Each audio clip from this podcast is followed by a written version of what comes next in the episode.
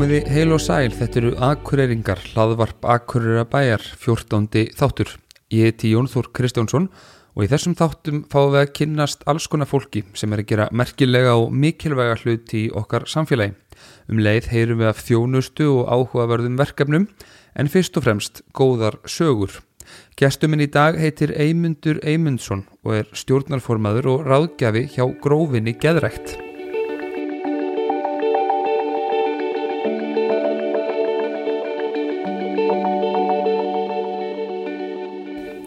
Eymundur, velkomin í hlaðarpu okkar. Takk að þér. Hvernig hefur það?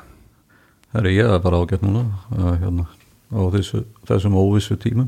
Já, þessi tíma náttúrulega hafa áhrif á ykkur í, í grófinni eins og aðra.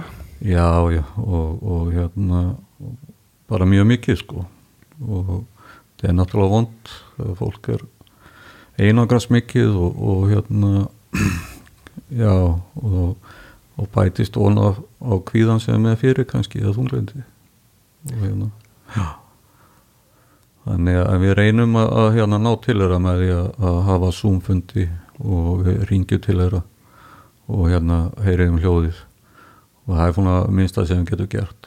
Já, en þið leggja ykkur fram í það að, að starfseminn sé ekki að líka ekki bara niðri þó þið þurfu kannski að loka svona hefbundinni Já, starfsemi. en líka búin að vera fyrir langur tími núna. Þetta sé ekki búið að vera mánuði núna síðan.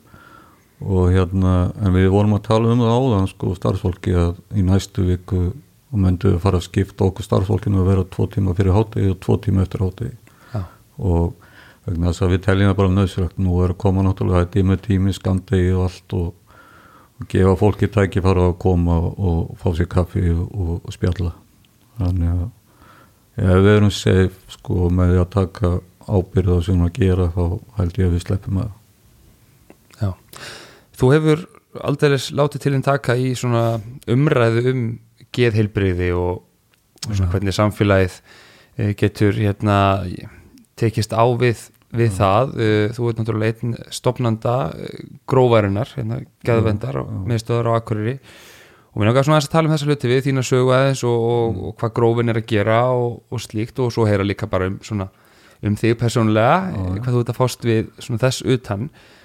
Eh, til þess að byrja einhvers staðar, spurning hvort þú myndi byrja að segja mér bara svona hvaðan þú kemur. Já, ég, ég er þorpari sko. Þú ert þorpari? Já, ég er þósari og hérna ég kem, ég hérna er í bæjablokkinni ég er fættur 1967 og hérna ég er svona í, í miðið af hérna sex sískinum, að við erum sex sískin og það er einn bróður minn látin 2011 karfa minni og já og, og fóruldra mínu þau móði mín hún var frá Lilla Dunhaga hérna í Möðravalla og hérna hún lést núna 2016 og fæði minni hann er ennþá á lífi hann er 88 ára gamall og hún er mikið sjómaður. En hérna við byggðum svo líka bakkalí nýju og var á móti stíplunni hérna. Það var fyrsta húsi sem var hérna byggt í bara í nýja hverfinu sko. Upp fyrir bara hérna gleraskóla það var þetta bara sveit. Og hérna það byggðist mjög fljótt upp. Það- þetta var svolítið skrautlegt sko. Um, þá var ég nýjóra gammal sko. Þannig að við fluttum þangað og, og þar, ég meina á þeim tíma pappi byggði þetta eiginlega mestu leiti í eitt sko. Þannig að stórt einbýlishús og, og hérna, já þar var gott að vera sko. Þar, mér leið mjög vel þar.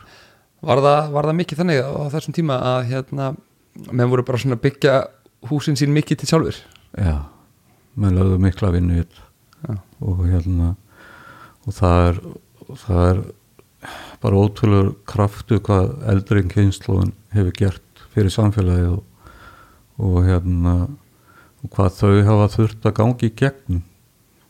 Og, og bara eins og þegar við tölum um getæmi sko að það er bara nýtil komið að það er ekkert langt síðan að fórum að tala um getæmi þannig að og margir og eldri kynnslóðin hefur þurft bara að berjast til þess að lifa Já. Vissiru, varstu meðvitaður um þessa hluti eitthvað sko í, í æskunni, fyrstu nefninu þetta eh, svona andlega hilsu og mannstu eftir að hafa hugsað eitthvað um þetta þegar þú varst aðrast upp? Já, ég er náttúrulega byrjaði að hugsa um það strax þegar ég byrjaði í grunnskóla sko. vegna þess að ég var aldrei í leikskóla ég var bara hana, var í pössum bara. En svo byrjaði maður að fara innan um fólk eða innan um krakkana og hérna í grunnskóla. Þá átti ég bara strax mjög erfitt vegna þess að ég átti erfitt með að lesa og það var bara ekki læsfylgni sjötabekk og þá var þetta kallað hún að tossa og átti erfitt bara mjög að læra. Og hérna sá ekki alveg tilgangi með náminu þá bara. Og, og þannig að ég var farin að finna þetta sko að líða illa.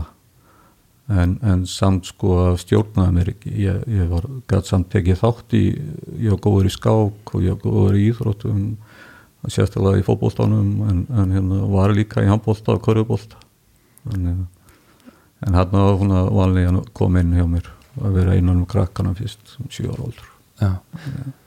En þú talar um þessa svona ég hef talað um þessa félagsfælni sem mm. hefur fylgdið þér hérna svolítið og, og hefur fylgdið þér uh, en eins og í íþróttunum varst ekki var við þessa félagsfælni og þessi andlega vandamál þar? Já, það kemur svona upp úr hérna gelguskiðinu þá voru konin í þessa félagsfælni þá var þá er ég farin að hérna vera að ná, betur sko umhverju, fylgjast betur með umhverjunu það sem var að gerast í kringum mig og, og hérna einhverju að hlæja þótt að ég var með boltan eitthvað og bótið að hlæja mér og það fyrir svo mikil orka í nærumhverju sko að fylgjast með. Að hugsaðinu bara alveg og já, í staðin fyrir maður getur bara verið með boltan og notið sko. Er, þetta er svona þetta var ég líka gott að ná til krakkana sem er í dag sem er í íþróttum og ég er ekkert einnum að, að, sko, að líða svona. Það er margir krakkar í dag sem líður svona og, og það var svo gott að vita af krakkarnir í dag vissu hvað þetta væri og, og þjálfærnir og, og hérna það væri alltaf lega að fá að tala um þetta við þjálfæran og svona sko. Mm. þess að þetta rænir rosalega miklu orku frá krakkunum en, en hérna ég er náttúrulega að tala aldrei um þessa luti vegna þess að ég vissi ekki það hverju mér leið svona. Nei, en hvernig svona ferða að finna fyrir þessu hérna, segir þú fyrst, hvernig finnur þú að sé ekki bara það í líði einstakarsinnum illa heldur þú, þú virkilega finnur að það er eitthvað að? Það er svona 12 ára aldur. Það er svona, þegar maður er að koma svona, já, 12-13 ára. Þá hérna er þetta sé, þá er ég að fara að fylgjast betur með umhverfunu það sem er í kringum mig og, og hérna og þá er sko eins og í bekknum og hún hafa maður fann að rána og maður var erfitt með að standa upp í bekknum og, og, og segja nafni sitt bara og, fara með ljóð eða eitthvað sko mann kveið alltaf fyrir þessu og það var svona óskup aðeinlegt að ég hafði ekki mikil áhuga á lærtónum þetta var farið að yfirtaka hérna, mitt líf og íþróttir voru svona eina sem kannski fekk mig til að, að hafa gaman sko. En hafður þú þá, hafður einhvern stuðning heima fyrir eða í, í skólunum eða? Nei, ég haf bara vissengin að ég var að glíma þetta. ég tala, ég tala ekki eins og um mömmu eða pappa eða neitt sko, sískin eða neitt. Ég bara þorði ekki að segja frá að mér líði svona illa. Þannig að á þessum tíma líka þá veit maður ekkert sko hvað er gæðrænt og, og það er bara það sem við sá í bíómitum og, og hérna og allir bara lifið á því að taka þetta á hörkunni. Og, og ég, ég hef sagt frá hvernig lið, þá verður verið sagt bara hættu þessum auðmyggiskap rífiði bara. Það var kannski ekki mikið talað um þessa hluti Nei. á þessum tíamöti Aldrei. Nei. það er bara eina sem að sá að hóra í bíómyndum Já, menn bara lokaðir inni og, og bara lifiðið niður og, og svo framvegis. Já, og eins og þeir eru bara búin að heyra núna nýlega dæmi að það er ekki svo langt síðan að þetta fara bara. Þannig að það er ósköp aðurlegt að fólk er ennþá rætt við að koma fram. Já. En hvernig var svona í minningunni bara akkuriri á, á þessum tíma sem að þú ert að þú ert að alast upp, hvernig upplýður bæinn? Akkuriri bara góðu bær og hérna mér finnst það bara fór réttind að fá að fengi aðlast hérna upp sko og þótt að ég talaði um þess að vanlega þá hérna eins og segi íþróttinir þá var ég mikið með svo góðum félögum sko, vorum alltaf á svæðinu hérna í fókbólta og svona sko móli og þessi gæja sko og, og hérna þetta, var virkilega gaman en, en hérna vanlegan utan það sko, það, hún var mikil. En akkurir í sér þá, þá var hann bara æðisleg og hérna þetta hefur maður, maður búin að alast hérna upp og, og hérna mér finnst bara akkurir bara verið að gera góða hluti. Hefur þú búið hérna alltaf eða, eða meira minna? Nei, ég hef verið í þrjú ári Reykjavík. Ég hérna, var frá 2009 til 2012 og hérna, það voru svona ástæði fyrir því að, að hérna, ég fór þá söður í ráðgeðaskóla Mm. og kynntist þar stað sem er hugarafl Já, og hérna var þar í þrjú ár.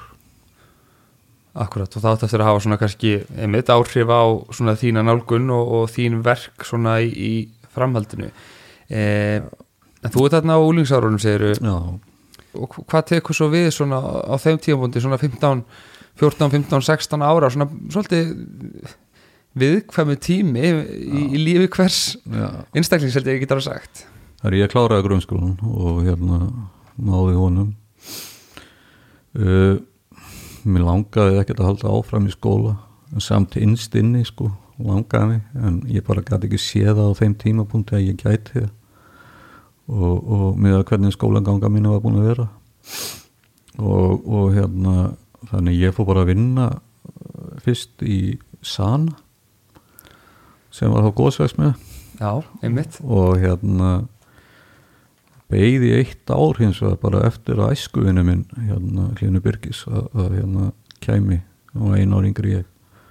Og við fórum saman á málminna braut Já, í verkmæntaskólanum en ég endist bara í tvo mánu en það hafði ég ekkert að gera á málminna braut frekar en Hlínur þetta alls er skrautlegt og, og hérna, ég, ég sagði bara skólastjórnum að ég var hættur og, og hérna, ég gæti þetta ekki. Og þá var orðið svo erfitt að vera innan um sko félagani sem voru í begnum og, og ég hef aldrei verið handsterkur og, og hérna þannig ég gæti ekki gæti bara ekki verið hann innan um og mér fannst ég já, það væri bara best að hætta og fara að vinna. Þannig að ég fór aftur í sanna og, og var nærfið svinnu bara þar og, og með börði og, og bera mikið. Fyrir okkur sem erum, erum það unga að, hérna, muni ekki eftir sana Se, segðu mér nú aðeins frá þessu. Hva- hvar, hvar var þetta til húsa og, hva, hve- hvernig var þetta allt saman? Sanna er hérna góðsvesmiða hérna og voru með mix og svona ímislegt og, og hérna þetta, þetta var gaman þetta var gaman að vera innan um að við leysinga Snorri Ásmunds hérna, Snorri Mikli og við vonum saman og, og hérna en þetta, já en hérna þetta er, þetta er nýri hjálpar gott við þessi vikingar núna og, og hérna við vorum náttúrulega svolítið vildir hérna nokkrir. En þetta var mjög gefandi. Já, en ég fór aldrei í kaffi, aldrei í mat út af félagsvælni já, það ja, þegar ég átti að fara að setjast nýðu með einhverjum eða þá, þá fór allt á stað sko, vera innan og þá. En ég gæti verið trúður sko. Þú er ekki höndla vel svona spjall eins og í okkur núna, sitja bara tveir saman spjalla í róleitum nei, það ekki að ræða ég, það bara, var ekki að ræða sko. Nei. og, og hérna ég er náttúrulega er samt hana í Þór í fótboltanum komin upp í annan flokkin og, og hérna já og svo nætaði maður náttúrulega í áfengi vímöfni, það voru svona 17 ára, 16-17 ára Já. En Hvernig fór það með, með samfara fótboltaferlinum sem að þú, þú stemdi nú svo langt það fór illa. Það ég drakk alltaf illa. Og sjálfsvegar hefði mér var bent á það sko á sjálfunum og ég myndi alltaf svona áfram þá getur farið illa fyrir mér. En þetta var bara einhvern veginn þessi laus sem ég hafði og til þess að komast út í sjálfum mér og, og það er svo mikið afsökun en, en hérna ég gerði það samt og, og hérna ég hefði ekki geta farið í bæin en eitt nema þá verið undir áhrifin sko. Já. þótt ég hefði verið sko nefnilega í tvö áru var ég atvinnum bílstjóri sko í Sana. Að keira út gósinni hann í alla búður og, og selja og, og allt sko. En guðminn álmáttur að fólk vissi ekki hvernig mér leiði sko inn í mér og, og það var bara að stoppa á bílnum á rauðu ljósi sko og það bara fór allt á stað sko. Skalf ég bara sko Já, þetta er töðakerfið, þetta, maður er svo fastur í þessu hugsunum sko, að maður sé ekki nógu góður og, og, og það eru allir að dæma mig. Já. En þú veist það sem út að lýsa, þetta er bara svona dálítið líkamleg Já, þetta- einkenni. Uh, menna, hvernig hvernig hefur gengið að, að vinna úr því? Er þetta eitthvað sem hefur fyllt þér síðan áfram eða? Já, töðakerfið er ekki dólega að setja þetta hjá mér. Og hérna, og stóðkerfið náttúrulega er bara slæmt í emi slíkitt og hérna, og allt þetta hafði áhrif vegna þess að ég náttúrulega er í burði sem ég á ekkert að vera í vegna þess að skrokkulin er ekkert svona gerður fyrir það hjá mér. Þannig að, að það hérna maður ekki hjálpa til. Ég að byrja að finna í bakkinu bara tvítur og, og allt svona sko. þannig að vegna þess að ég var líka búin að að kannski ég kem að því þegar ég var yngri sko. Þá var ég hérna í blaða var að bera blöð. Og stundum var ekki flóið tvo-þrjá daga og maður var að bera þetta helt á sig sko. Og ég var mjög dúlegur í því. En ég var ekki mjög dúlegur í að rukka inn. Nú, það var að, alltaf að reka eftir mér vegna þess að ég var svo hættur um að, að hérna, mæta fólkinu sko að rukka inn að, segja að ég var hérna, rukka fyrir í dablaði ja. var þetta þannig að þú þurftir að bera út blaðið og fórst svo eitthvað annars lægið og þurftir að rukka það Fólkið? já, það var hver mánaðamóti átti maður að rukka inn. En það var eiginlega liðin fram að sko 2003 eða eitthvað fjóruða og fymta sem ég, og þá var hvað nýna mánaðamót sko. Ég, og svona var maður bara í nokkur ár sko. Þannig að þetta var bara oh, en sko, hérna ég er svo áhvert að velta fyrir mér sko, eins og þetta lýsa þessu sko, þessi svona uh, þessi svona þessi gríðarlega einhvern veginn feimni og félagsfælni og þetta óöryggi uh, ég skipti ekki öllum alveg hvað maður kallar þetta nákvæmlega en svona þessi vanlíðan í samskiptum og tengslum aðra því nú kannastu þeirra margir mjög margir við það sérstaklega úlingsárunum og hormónarnir á fullu og allt þetta og fólk svona kannski ekki alveg búið að, að finna sig sko. E, að vera óörugur og finnast óþægild að standa fyrir saman fólk og, og tala og, og bara ekki alveg kannski með svona samskiptahefnina på tíu. Hver, hversu skýr eru þessi skil á milli þess bara svona eðlileg feimni, óöryggi og, og svo hitt að vera bara að þetta sé bara hreinlega bara andleg veikind í rauninni það er náttúrulega feimni að maður getur tekið þátt í hlutum og þáttum maður sé ekki mikið að, að bera sér fram en maður getur tekið þátt og svo kannski ráttlast að manni hefur maður verið eldri með feimnina. En í sko með hitt þá er þetta hún orðið dagstaglega það er náttúrulega eins og við vitum þá er eðlilegt að kvíða fyrir mörg. En þetta er orðið svona dagstaglega fara að hafa áhrif á lífið og þá er þetta náttúrulega orðið miklu meira en, en kvíði eða feimnismál þá þarf að taka á því þannig að þetta er feimni sko eins og ég sagði hana feimni getur bara verið eðluleg maður getur verið feimin það getur hver sem er verið feimin en það getur rjáttlast að manni þegar maður er eldri sko að á þessum aldri svona úlingsaldri þá að það er svo margt að gerast það hérna, það er bara eðlilegt að maður getur verið feimin og er ekki að tala um stelpuna eða eitthvað svona sko líka. Akkurat, já ég held að sé bara mjög margir sem tengja við þá tilfinningu að finnast óþægilegt að bara eins og í mentaskóla og í hérna eða framhaldsskóla og í elstu bekkjum grunnskóla að þau eru eitthvað að vera að standa fyrir vaman bekkin og fyrir framann með stelpun eða strákin sem hérna, skotin í skiluru og, og flytja eitthvað ljóð eða fyrirlestur eða eitthvað, þetta er ekkit auðvelt. Þetta er ekki auðvöld það er langt í frá en, en, í þínum tilvægi þá er þetta svona þetta er alveg, alveg skrefunu lengar að þú bara Já, funkar ekki.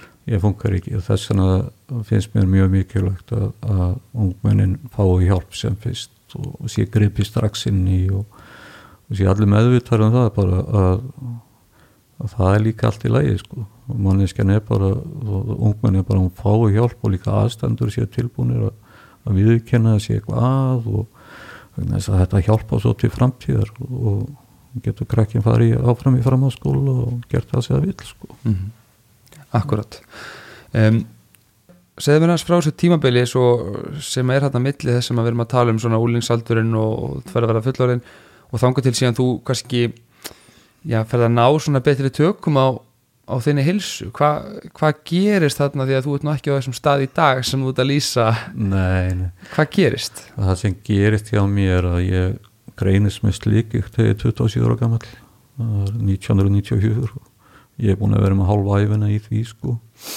og, og með hinnu getæminu og þá hérna fer ég myndatökku og, Július Bæklum Lækni sagði bara einmyndur hérna hefur verið í íþróttum? Og ég sagði að já þú hætti bara. Þetta er náttúrulega gríðarallt áfall fyrir mig og hérna unga mann og eina ég hafði það voru íþróttunar þannig að það, það sem gerist þá líka ég hérna fer bara rekka um helgar og, og svona, en samt er aðeins í kringum liðinu eins og hjá Þór og Magna Greinvík og, og hérna svona sem liðstjóri. Og svo hérna sko 97 held ég að verið þá hérna var á fyllir ég þá einn við mig einmundur ég ætla að vera að forma þós hérna knaspundildar ert þú ekki til ég að vera með? Og hérna á fyllir ég get maður sagt allt sko. Vera með þá í stjórninu? já, að vera með í stjórninni. Og ég sagði, jú, jú, ekki eftir mál. Svo ringdi hann vikur setna og sagði, herru, ég er, er að fara í hormannin og þú samþýgt er að og ég þarf ekkert að segja skiptu skoðun. Sagði, já, minni, ég hérna ætla ekki að, að hérna, ég var búin að segja eftir alltaf og þannig að ég fór í stjórnin og, og kveik hverjum fundi en, og tók þátt eins og það en, en hérna í restina bara mætti ég ekkert á fundinu ekki einu sinna þegar voru skiptum stjórn sko. þetta, en svo, svo höldum ára þá náttúrulega fer ég aðgerð árið setna 98 og hún gengur mjög vel og, og hérna þannig að ég fer bara að vinna þessu brjálangur aftur og ég var náttúrulega eitt með lagarinn ég var að sjá um framleyslu, ég var að sjá um að ganga frá framleyslunni, ég var að stemma á lagarinn uh, taka til á bíla og þetta var bara orðin 70 tíma vinnuvika þannig að ég var bara orðin búin að eðalega mig sko og fór ítla með mig mm. á liftara og hoppandi upp og niður og búin að eðalega mig 2003 þannig ég þarf að fara í aðgerð 2004 og þá komum við á þeim punkt því að hún hefnast ekki nógu vel þannig ég var nú að verkja sig á Kristins að ég fyrir 2005 og þá var akkurat fræsla um kvíða félagsvæðin á þunglindi mm. og það er akkurat það sem ég þurfti. Vegna þess að þegar ég fór að lesa þetta þá bara fóru mörg tál niður. Vegna þess að hann sá ég ástæðan fyrir að hverjum ég er búin að líða svona síðan á krakki. Og ég sá að hverju ég þorði að tala um mína líðan og ég sá að ég gæti eignast líf. Og það var allt í lægi að tala um hvernig manni líður. Og fyrst þurfti ég að vita hvað það var náttúrulega eins og ég sagði að kvíði félagsvælun á þunglindi og þetta var fyrst að skrifja mér að von. Vissur þú þá ekkert sko hafður þau bara aldrei áður fyrir hérna á kristnesi og þú fegst þessa fræðslu vissur þau bara ekkert í rauninni hvað þetta var, þessi kvíði félagsfælunni, þessi svona þessar skilgreiningar aldrei hitt þetta nefnt einu sinu og, og hérna þannig að maður bara að segja þetta, þetta voru svona bæklinga bara og sem maður fekk hann á Kristinsi og það var alveg nóg fyrir mig sko Já. Var þarna þá að opna svona mikil umræða nei, nei. um þetta? Nei, nei, nei, það er bara það var samt sko vegna þess að fólk sem er að glíma líka líkanlega verki stofverki, það er náttúrulega kannski erfitt hérna andlega og hérna og þetta fylgir svona í fræslu og eins og verkasviðinu hann er Kristinsi og, og hérna þannig að það kemur hann inn í þetta sko. Þannig ég er mjög fegin að á þeim tíma að, hún missefnaðist aðgerðin á mjöðminni að vera verkefsjúklingu vegna þess að það var ekkert að verra en það sem var að stjórnamanni hverjandi eigi sko, hausinn. Það mætti segja kannski að það var slitgíktinn og þessi líkamlegu vandræðin hafi svona einhverju leiti bjargað þér sko andlega. Það var bara upphafið á nýju lífi og, og hérna lífið sem ég búin að gangi í gegnum að, að ég hafði alveg tækið fyrir að hvernig ég vildi horfa á það. Já, það var búið en hvernig vildi ég nýta mér það? Það er akkurat sko það sem mér finnst mikilvægt að, að maður fari ekki í hérna vorkun, sjálfsvorkun sko vegna þess að lífið er búið sko sem maður er búin að upplifa. Breyti því ekki? Maður, breyt, já, maður getur breytt í hvernig maður vil hérna hafa framtíðana Já. og það var akkurat það sem gaf mér hérna kraft sko að, að það er í lægi að tala um hvernig maður líður. Og þarna sá ég það bara á þessu bæklingum og, og, og, þarna byrjaði bara mitt. Já, hausinn 24-7 sko bara það sem er á fullu alla daga sko og maður er á nætuvakt og allt með hausinn og maður er á nóttinni að kvíða og allt. Að hann gaf maður unni bara sko vannulega vinnudag bara og ok, steinplas útlíkuði sko fara til hérna eins og ég fór til sálfræðings. Svo fór ég til heimilslæknis og sem reyndi, hefur reynst mér rosalega vel og ég er mjög þakklátur og hann spurði hins vegar viltu fara upp á geðdeild eða fara í samtalsmeðferð með mér? Mm. og ég sagði ég er ekki að fara upp á geðdeild. Og ég var bara með bíómyndi sko. Já. og það er bara það sem við erum öllumst upp með. Þannig ég fór í samtalsmeðferð og fór á lif seti serosat og var hérna hjá honum bara, við tókum tvo tíma í senn sko. Og vorum vikulega alveg og, og hérna og, og þetta, já og ég sleppti að drekka og, húnna sko. Uh, lífi fór að taka sín húnna já, mér fór að líða betur og geta gert hluti. Og, og hérna fara í bankan og húnna sem ég hef ekkert verið að gera og fara í búðir og hérna, sem ég aldrei verið að gera. Og hérna ég sendi alltaf, alltaf fyrir mig sko. Já, þess að ég gæti ekkert farið í búðir. Og hérna þannig að ég missa ég man eftir einu dæmi þar að, að hérna það var, ég hafði ekkert farið í bæin í fjöldamörg ár og, og ég ætla auðvitað svo eitthvað að fara í símon fara að hanga fá einhverja aðgrifslu ég fóð nýri bæ og, og lappaði þar sem sími var og, og allt í nú var að koma einhver kvenna að fatta að búið þarna. Og ég spurði bara hvað er símin þá var hann búin að vera á gleratorg einhver tíma sko. Já, þetta bara þessi en, en þarna var ég byrjað að geta gert þetta að fara inn og gleratorg og, og hérna og þannig að ég held áfram og svo var ekki góðu vini minn sem sagði við mig einmyndur að átt einhverju vandræði með áfengið hikaði ekki við að hafa samband og þótt að ég hef verið búin að vinna að ná þessum árangri þá aðeins fara að rofna til hjá mér þá í byrjun í janúar 2006 þá gerist að ég tek bara tvö plakk átt hérna um helgi. Kem heim á sundarskvöldi og, og leiti speil og þá horfði ég í það það sem ég var búin að fá á þessu stuttatíma og hugsaði einmyndur, viltu ekki fá meira viltu ekki hérna fá meiri hjálp? Þannig ég ringdi í hann hann á sundarskvöldinu og þau komið til minn tveiri vinni mínir. Og, og hérna ég fóð með fóð þessu góða vinni mínum hérna daginn eftir. Og ég, hún verður alveg sama þótt ég segi nafnið hans Tryggvi Gunnars.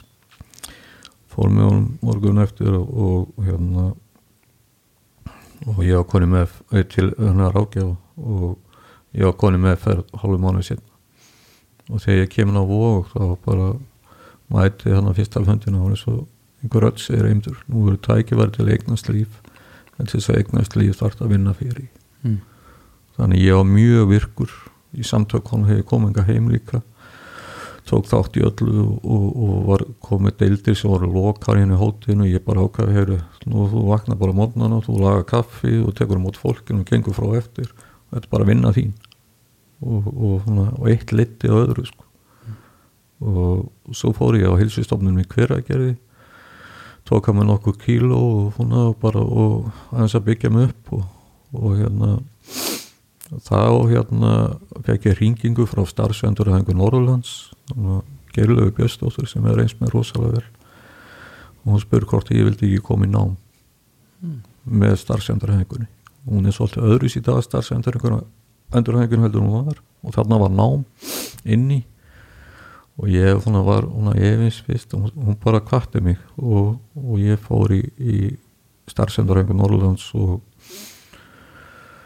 og þetta er bara verið svona vinna mín að ég byrjaði hann í námi með starfsendurhengunni og, og og svo gerist það 2008 þá var ég samt orðið mjög tungur og bara tunglindur og hérna þurfti meiri hjálp. Og þá hérna var mér bent á gerðlegu að ég, nú þurfti ég að fara på gerðild og hérna sem ég gerði hérna heiminslæknum sótum og ég kom viku setni inn vissi ekkert út í hvað ég har að fara. Og hérna ég var með þessa bíómyndir en þá og, og hérna en það var bara enginn spenni það var enginn útvöliði, þarna var fóstjóri þarna var bara verkamæður og bara hvað sem er sko, bara flóra samfélagsins.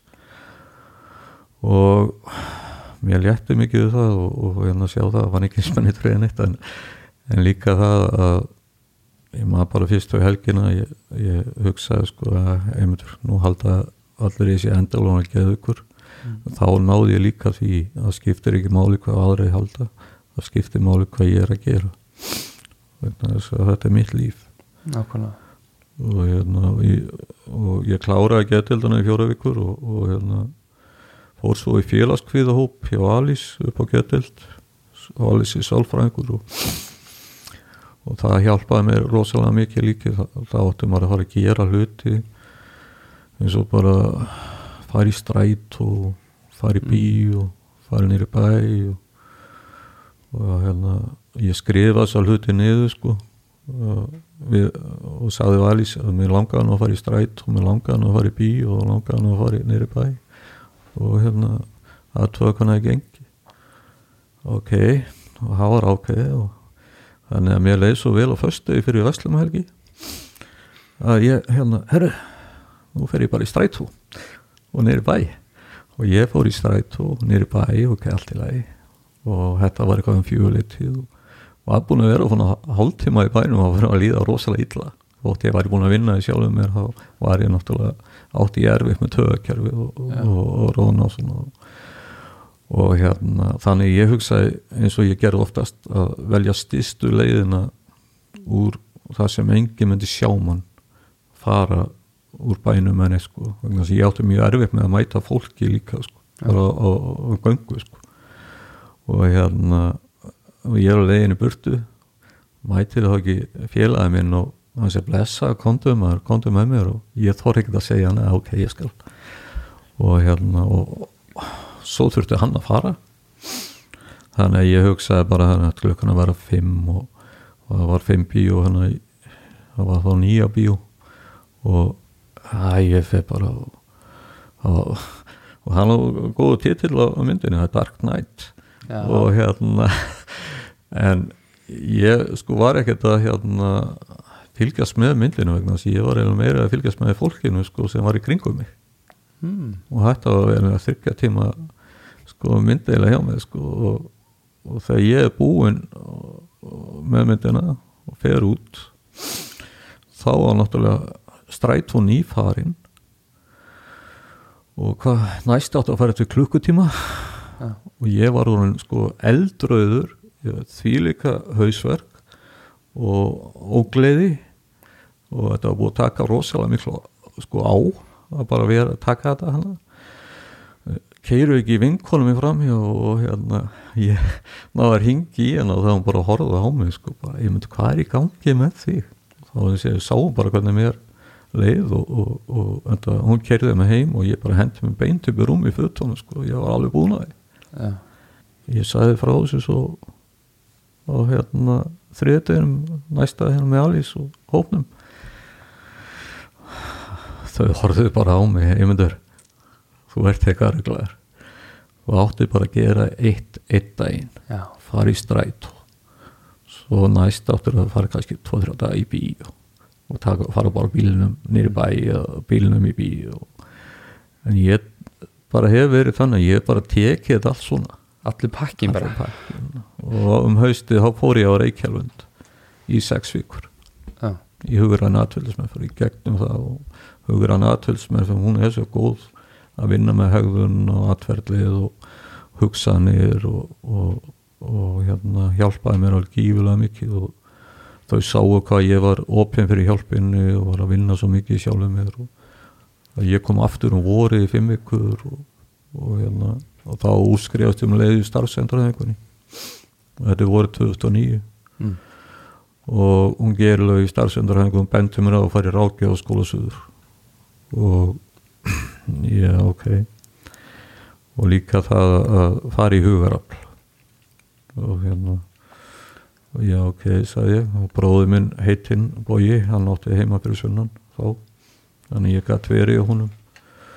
Og ég fóð suður hausti 2007, nei 2009 Það var það ekki svolítið stökk að henni Já. flytja suður?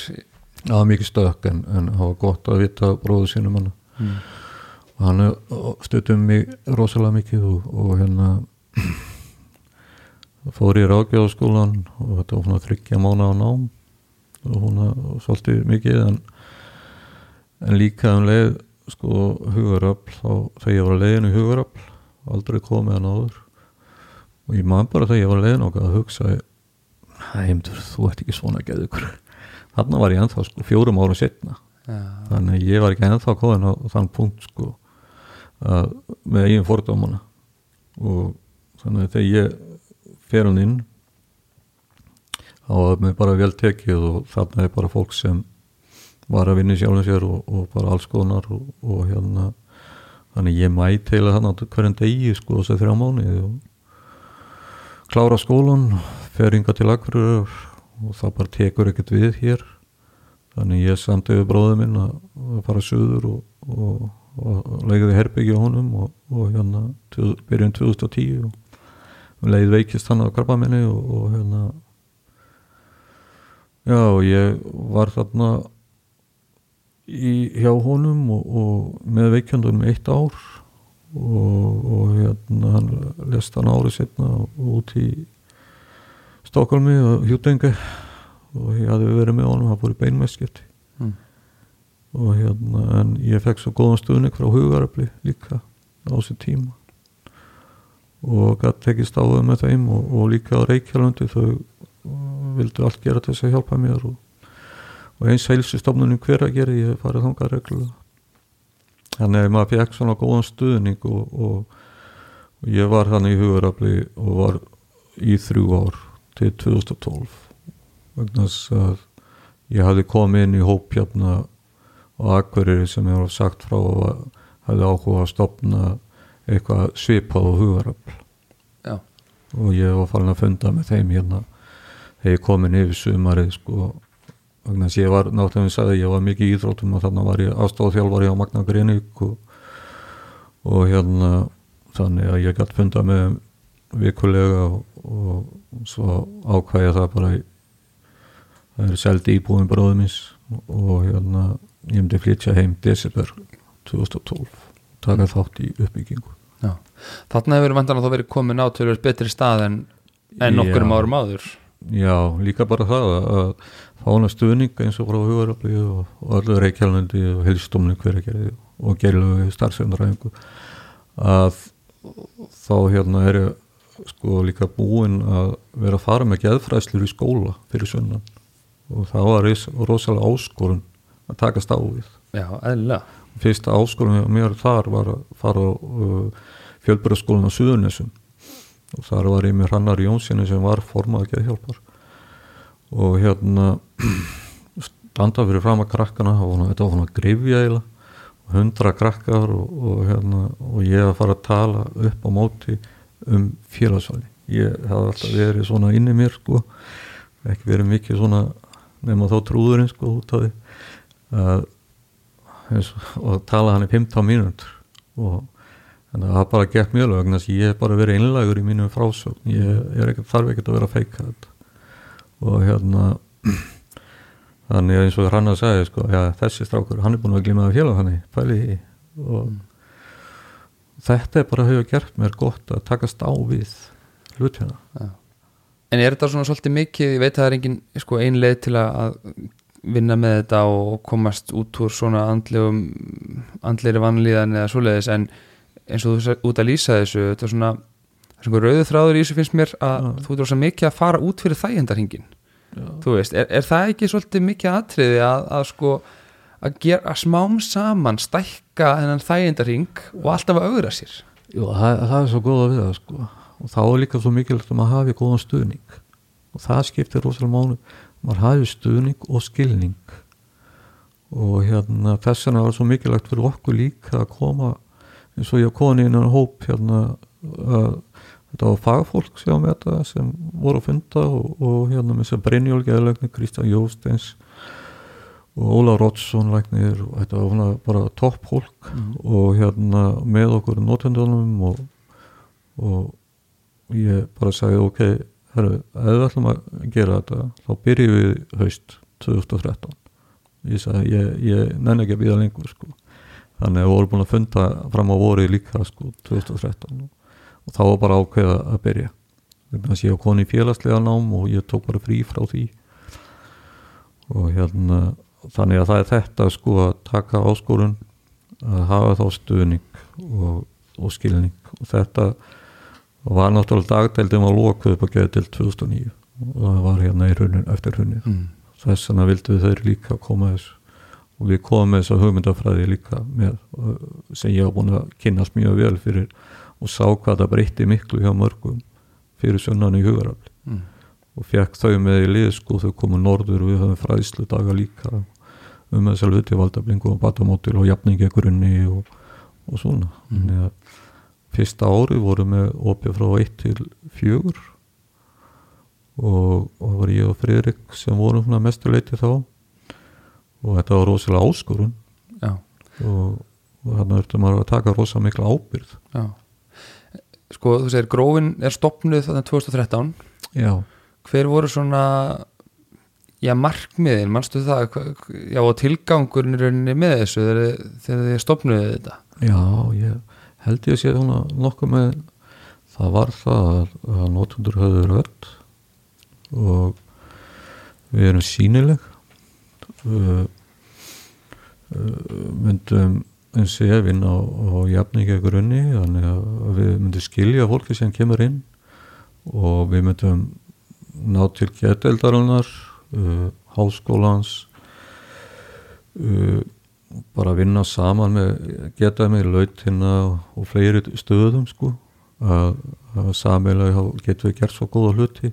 Og þetta var svona markmið að líka bara líka láta ungu kynslunum vita og svona í litlu samfélagi eins og akkur þá getur við oft erfitt að sko brjóta gamla vana. Og þetta vildum við svona bara fá svona nýjung og, og rattir hérna fólksins sem hefur persónulega reynslu og þær fá að heyrast. Og hérna og ég held að ég sko þetta skiptir líka máli sko fólk sem eins og ég hef verið að tala þegar maður er búin að ganga í gegnum þetta allt sitt líf og hefur fengið alla þessa hjálp þessa frábæru hjálp frá fagfólki og nótundum að geta að miðla henni áfram til þeirra sem er að koma þá til okkar og segja sko bara geður tíma, geður tækifæri verður þólimóð eða þólimóður og hérna hlut, góðu hluti gerast hægt já. er það svona sérstaða grófarinnar þá og kannski nú að þetta er svona þessi jafningja hugsun og, og það er í rauninni, þetta er ekki svona top down skilur stemming, þetta er, þetta er jafningja, þetta er notenda í rauninni fræðsla og jafningjafræðsla. Það er ekki að ræða. Það við erum allt jafningar Já. og, og hérna en svo er náttúrulega líka sko, er markkópurinn sko, þá er svona meira við erum að taka í gegn núna í dag í COVID-un að, að hérna endur skilir greina svona markkópinu vegna þess að það kannski vegna þess að við þurfum að taka forvitul núna. Við erum að gera það núna í, í að nú munum við bara fólki sem kemur inn fyrir forvital þannig við svona, getum séð sko er þetta fólk virkilega að fara að ná að hérna hvað maður að segja að það sem við erum að, að gera að ná því að taka þátt í hópastarfi eða, eða hérna vegna þess að við höfum líka fleiri úrræði og við þurfum í dag eins og geteldinu að akkurýri starfsendrahæfingu fólki sem er útskrifast þar við þurfum eiginlega að ná fólkinu þar svo það fari ekki heim og einakra sig aftur. Akkurat. Það er mikið. Þau sem sko eins og í starfsendrahæfingu sem fara kannski í nám og, eða fara í vinnumarkað og eins og, og geteldinni en sum, eða mörg hver þau fara bara heim aftur fara bara í sama fari og komin í sama fari eftir einhver tíma sko. Já, ég ætlaði að mynda, ætlaði að mynda að spyrja þig út í þetta varandi markkópana að það eru fjölmörg úrræði hérna á Akureyri og, og hérna svona hvar grófin kæmi inn í þetta er það þá kannski fyrst og fremst þarna þegar fólk er að koma út úr annari meðferð og svona áframhaldandi stuðningur í lífið? Já, það er svona, ég myndi segja að það verður stefnan í okkur núna og, og það er líka sko fólk kannski sem hefur uh, dottið út á vinnumarkaði uh, fólk sem er kannski hefur með stókjærisverki eða eitthvað hlutis og það getur hvað maður að segja þróa með sér mikla einangrun. Og, og þá getur bara verið gott að hitta okkur og vennilegt fólk. Já, við erum ekkert óvinnilega sko. það er kannski eina sem kannski vantaði fyrir það eru unga fúna, sem eru kannski að glíma við einhverfu og fúna ég veit að það er að gera ágætt upp í hérna Róseborg eða sem Birna Baldus en það er bara að vanta meiri svona utanum utanum hald þar. Og við höfum verið að fá svolítið af því núna en það er kannski ekki alveg það sem þóttu viljum gera öllum gott og viljum hjálpa öllum þá, þá er það kannski ekki markkópurinn sem er að sko fitt inn sko í þetta mm. og það þurfa við erum að reyna að vinna kannski að fá úræði fyrir þau líka að hjálpa en hvort þau geta að komi einhvern tíðan viku bara einu sinni viku eða bara þannig að þau náttúrulega eru ekki alveg að kannski að fatta hópastarfið og svona þannig að þetta er mikilvægt að hérna, við skiljum hvað við erum að, tala um og, og fjallum já En hvað er, einmitt, hvað er það sem þið eru þið eru að, að gera? Hva, hvað er gert í, í, í grófinni? Herra, við náttúrulega erum að hópastarfsemi og, og hérna vorum að ráða nýjan hérna framkvæmstjóra Pálína Halldórsdóttir. Hún er búin að vinna lengi hjá búsettusviði líka og hérna og er íðuþjóli og hún kemur svona með meiri svona nálgun, virknis nálgun líka. Og við erum komið með tvo, tvo ungmenni í 50% og 30% starf. Uh, við erum að fara núna í samstarfi við virkið sem er fyrir unga fólkið og hérna sem veitir ekki af í dag sko. Það er hérna og við svona viljum já, viljum ná meira til unga fólksins í dag og hjálpa þeim og þarna er komin hérna tvö ungmenni sem eru komin á laun og, og vonandi getum við haldið því áfram bara sem lengst. Mm. og hérna þau hafa reynslu af, af hérna sjálfa glíma við geðkvarf og tunglindi kvíða og annar er í háskóla og, og hérna er, sál- er á sálfræðibraut núna og þetta er svo mikil auður í þessu krökkum sko. Og við búa yfir svo miklu og þetta er jafningið á stuðningu við hina krakkana eða ungmennin Já. sem eru í virkinu húnna sko. Já, þannig ég held að og svo náttúrulega hefur geðfræslan hún hefur hjálpað morg, mörgun líka eins og við tölum um að stíga út fyrir það eindraman já, það hafa eins og sem hafa verið með mér í fræslunni þau náttúrulega er að stíga út fyrir það eindraman en þetta hefur að styrkja þau rosalega mikið líka. Og, og þetta hefur fengið svo góða umfjöllun og góða líka bara orðstýr þessi geðfræsla hérna og mér fannst bara tilvalið að, að nýta hana þegar maður var búin að fara í gegnum þetta sjálfur og vera fyrir sunnan og að taka bara fyrst líka hérna þetta er ekki rosalega stór bær Akureyri að taka fyrst hérna kenna hann á starfsfólki. Mm. allara skólan að fara í hvert skóla fyrir sig áður en tímabili hæfist. Og við gerðum það og það var bara almenn ánægja og þannig var fólk bara svona, heyra persónulega reynslu og hvaða áhrif þetta getur haft á lífið eins og hjá manni sko og, hvað er mikilvægt að grípa inn í strax. Mm. og fimm ár höfum við verið með í grunnskólana fyrir nýjöndabekki og ég farið í þrjú ár fyrir mettskólan Akvarýri og þau eru mjög opinn þar mettskólan, bæði Heimir Haralds og, og hérna Kristi Míðas og þau hafa alltaf farið með mér í tímana alla, ný, alla nýnema bekki þeir eru átta og við höfum tekið bara eina viku í það. Og, og hérna þetta er bara hefnast mjög vel árið fyrir ár. Þið og, og þú kannski, alltaf ekki síst hafi lagt miklu áherslu á það að opna þessa umræðu hér á svæðinu og, og hérna annar staðar og í fjölmjölum og, og svona. Það er vantarlega skiptir miklu máli eins og þessi reynsla sem þú hefur þetta var ekki mikið umræðinu áður. Uh, finnur mikið mun á því núna hversu svona auðveldar að er að tala um þessa hluti með hvernig þetta var? Já, við þorðum hann náttúrulega breyst. En það er samt við, við eigum svolítið í landi en þá en við erum í áttina og það er bara jákvæmt vegna þess að við vorum ekkert í áttina en áður fyrir Nei. þá vissi engin eitt.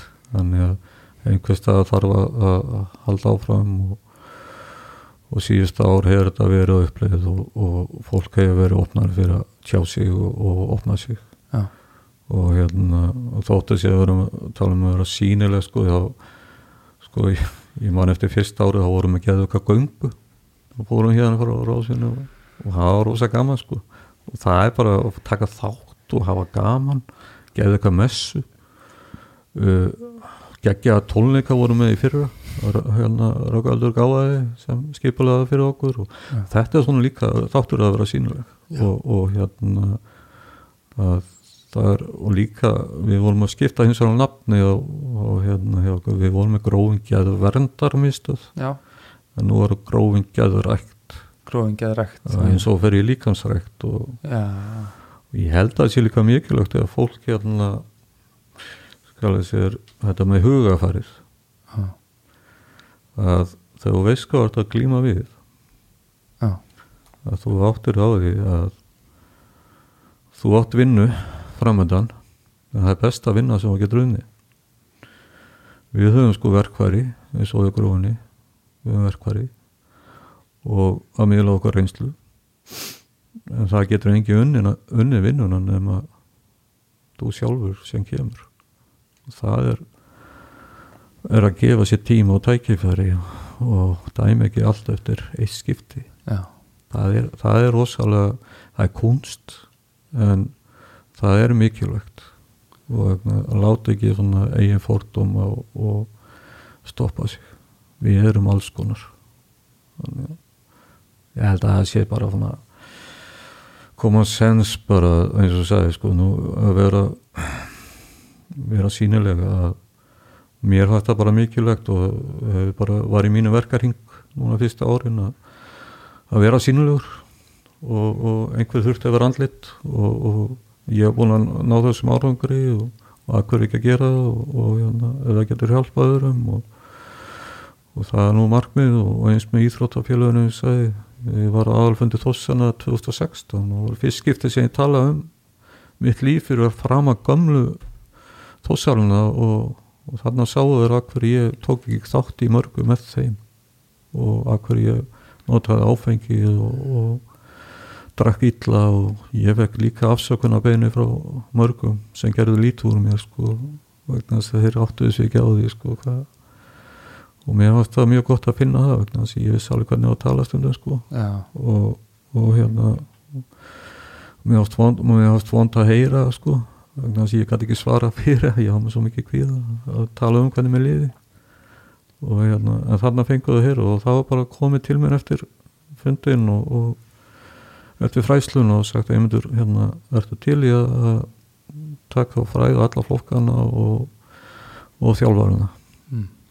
en á þeim tíma búndi var ég ekki alveg að það var bara svo mikið að gera að maður hefur verið svo mikið að tala um sjálfa sig líka en það bara síndi sig að, að menn voru opnað fyrir og, og þetta eru opnast í íþróttafélag og mér finnst það líka svo góðu grunnu til þess að byggja á að íþróttafélög séu svona andlit út af við ekki bara gagvart einelt eða kynferðis líka gagvart vanlíðan að krakkanir og, fullonir um sé óvægt að, að hérna, leita sér hjálpar. Já. Talandu um það að leita sér hjálpar hverjir, hverjir geta farið í komið í grófina og, og leita sér aðstofur hjálpar og hvernig á maður bara að bera sig að ef manni, já, Já. líður ekki vel og hverjir eiga erindi og svo framvegis Við erum náttúrulega komið heimasíðu sem heitir hérna gróin.ag nei, gróinag.is og geta senda þær hérna fyrir spurning líka á netfangið og, og ringt í okkur og hérna við erum náttúrulega út á COVID-inu þá- en við vonumst til að geta opnaði næstu viku sko frá 10 til 12 og 1 til 3 skipta starfsfólkinu. En allan að senda okkur línu og ringi okkur og, og hérna og bara eða mæta á staðinn og, og við tökum það bara vel við þér og það engi pressa eða neitt og þú farið viðtal við okkur og við svona segjum þá aðeins frá starfinu og allt sem þú gerir, það er trúnaður við erum með trúnaðarblöð og, og við, já, hvað, þar tökum við líka inn forvitalið hvað, hvað áhuga þú hefur og hvað hérna þannig að oft bara er nóg fyrir fólk að koma fá smá kynningu frá okkur og hérna og taka svona hæskref en en góð skref Já. inn en maður þarf ekkert að vera með neitt vottorð hérna og sína fram að maður sé nú með hérna einhvern sjúkdóm eða álíka til þess að fá viðtal eða, eða spjall við ykkur. Og það er líka svo góða við sko að, að við erum náttúrulega þetta er orðið það hvað maður að segja að við erum búin að fá svo góðan stuðning frá samfélaginu og bara kífani slæjans bara nefndu það. Ottfell og uh, lekansúður og það er bara svo það er svo mikil velvili og það sýnir hvað samfélagi vill hjálpa. Og, og þá er það bara fólki sem það er órætt að taka skrefið. Mm. það er bara við erum oft hrættu við þetta óþekta og ég skil það óskupil og við skiljum öllum vel, sem erum hann við höfum líka verið þannig eins og ég sagði með hugarafl. Ég er bara, ég er ekki svona geðugur maður getur líka að hugsa um þetta sko uh, sem vinnuna. Þú ert að mæti vinnuna bara hvað er best að vinna sem maður getur haft? Er það ekki að láta sér líða vel og geta tekist á lífið? Mm. fara í bóð og fúna það sem langar að fara og, og hvort það er í fjölskyldu eða hvað sem er sko. Ekki alltaf stoppa og vera um afsakanir en samt döður langa. Þarna getur þú komið og fengið stuðning og skilning frá fólki sem er gengið akkurat í gegnum allt þetta. Og, þau, og eftir einhver smá tíma þá kannski langa þig að- að koma með eitthvað inn í starfið og þá bara tökum við það. Þú er með þennan styrkleika. Ok, getum við stuttið í því og hérna og hafi hlutverk og, og hérna ég held að ég, ég held að fólk bara þarf að bara taka taka skarið.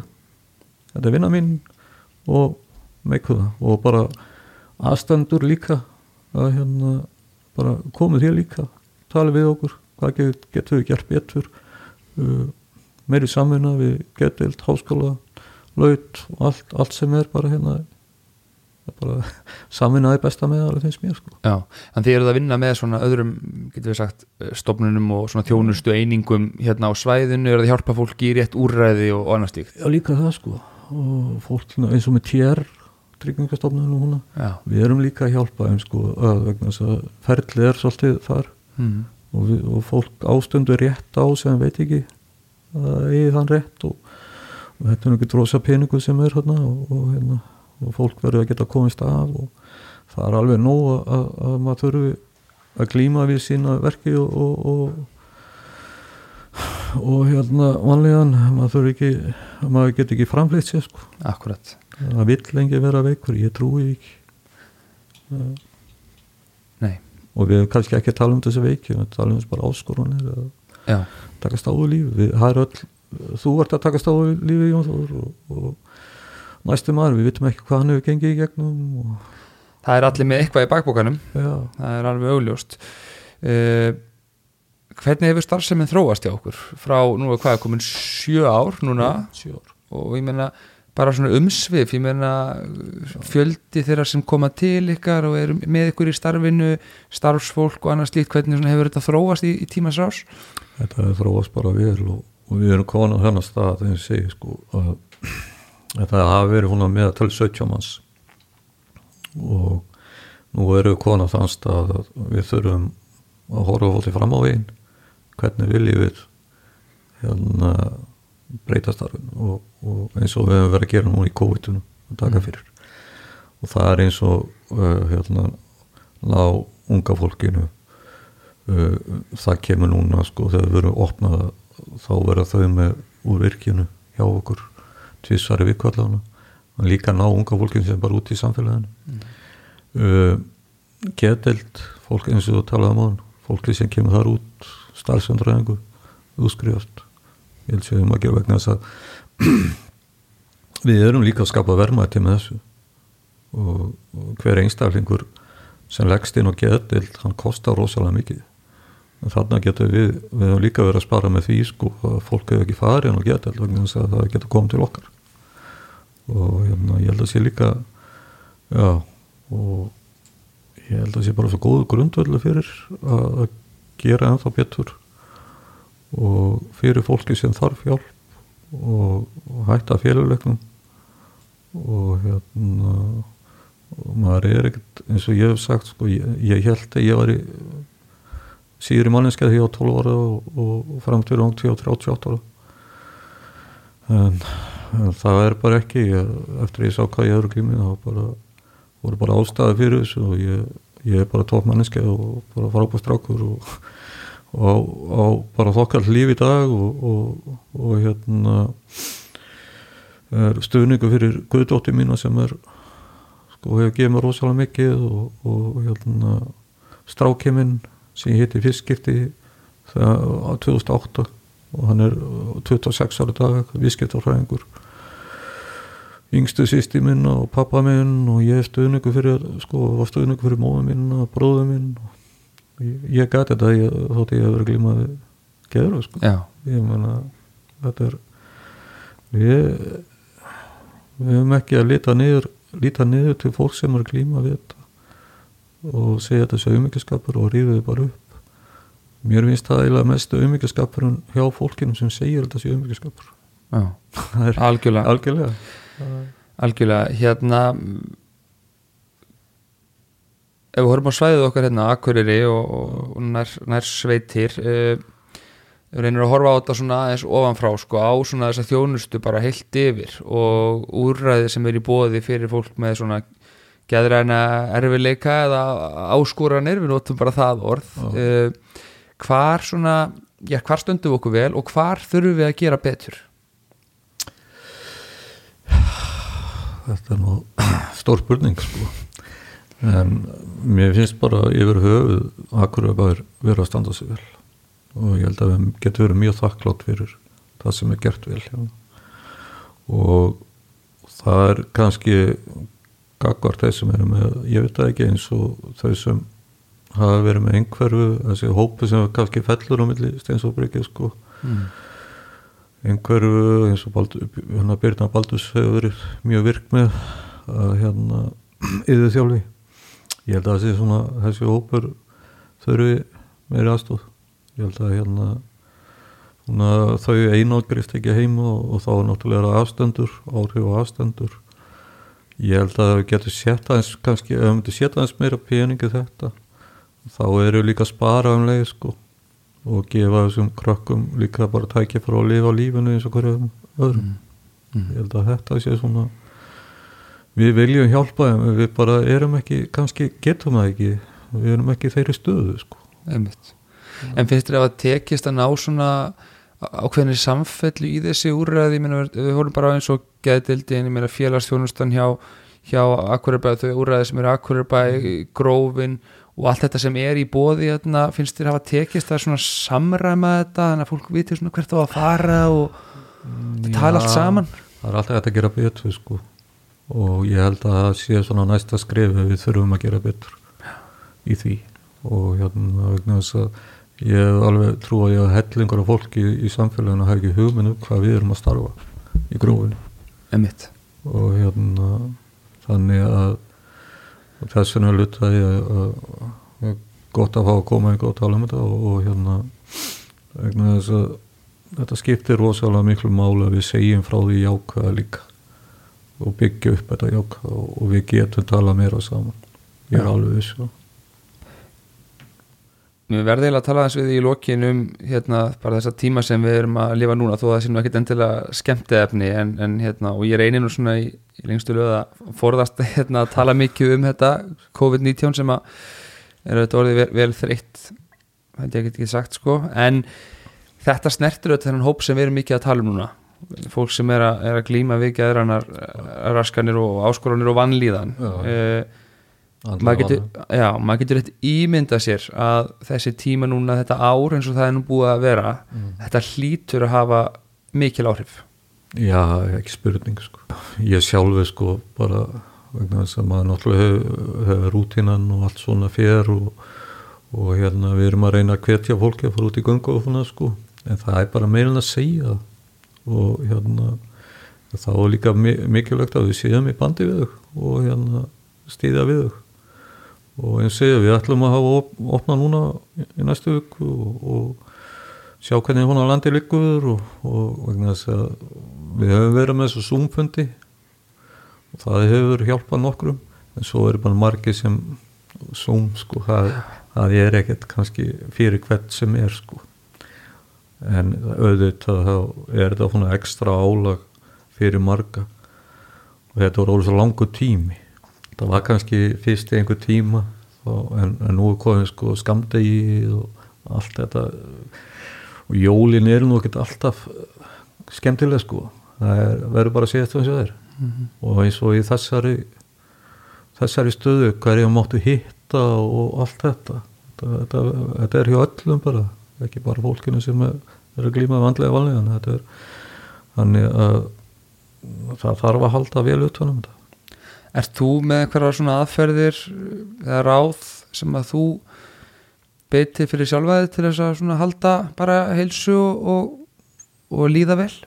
Já, ég reyni að nýta mér að fara út og reyfa mig þótt að slíkiktin þá bara verði og ég held að sé líka gott fyrir hvern og einn og horfa ekki mikið á fréttir kannski yfir höfuð og en samt að fylgjast með hvernig staðan er og húnna en hérna reyna þá ef, ef það er með tölvu eða eitthvað myndefni að horfa eitthvað gama þætti eitthvað bara sem hressir þið við að við þurfum öll á því að halda og hérna hlusta góða músík og lesa bók og, og er svona það er ímislegt sem hann getur gert og, og hérna já en allavega ekki svo fram eftir vakna mótnana fyrir mm. fáið morgum að farið á frekar að lesa eitthvað og, og smá göngutúr og getur við tekið smá kríu eftir eitthvað það er, það er svo vond þegar ferði að snúa sólaringum við Já, það hefur verið mikið talað um það núna í þessu kófi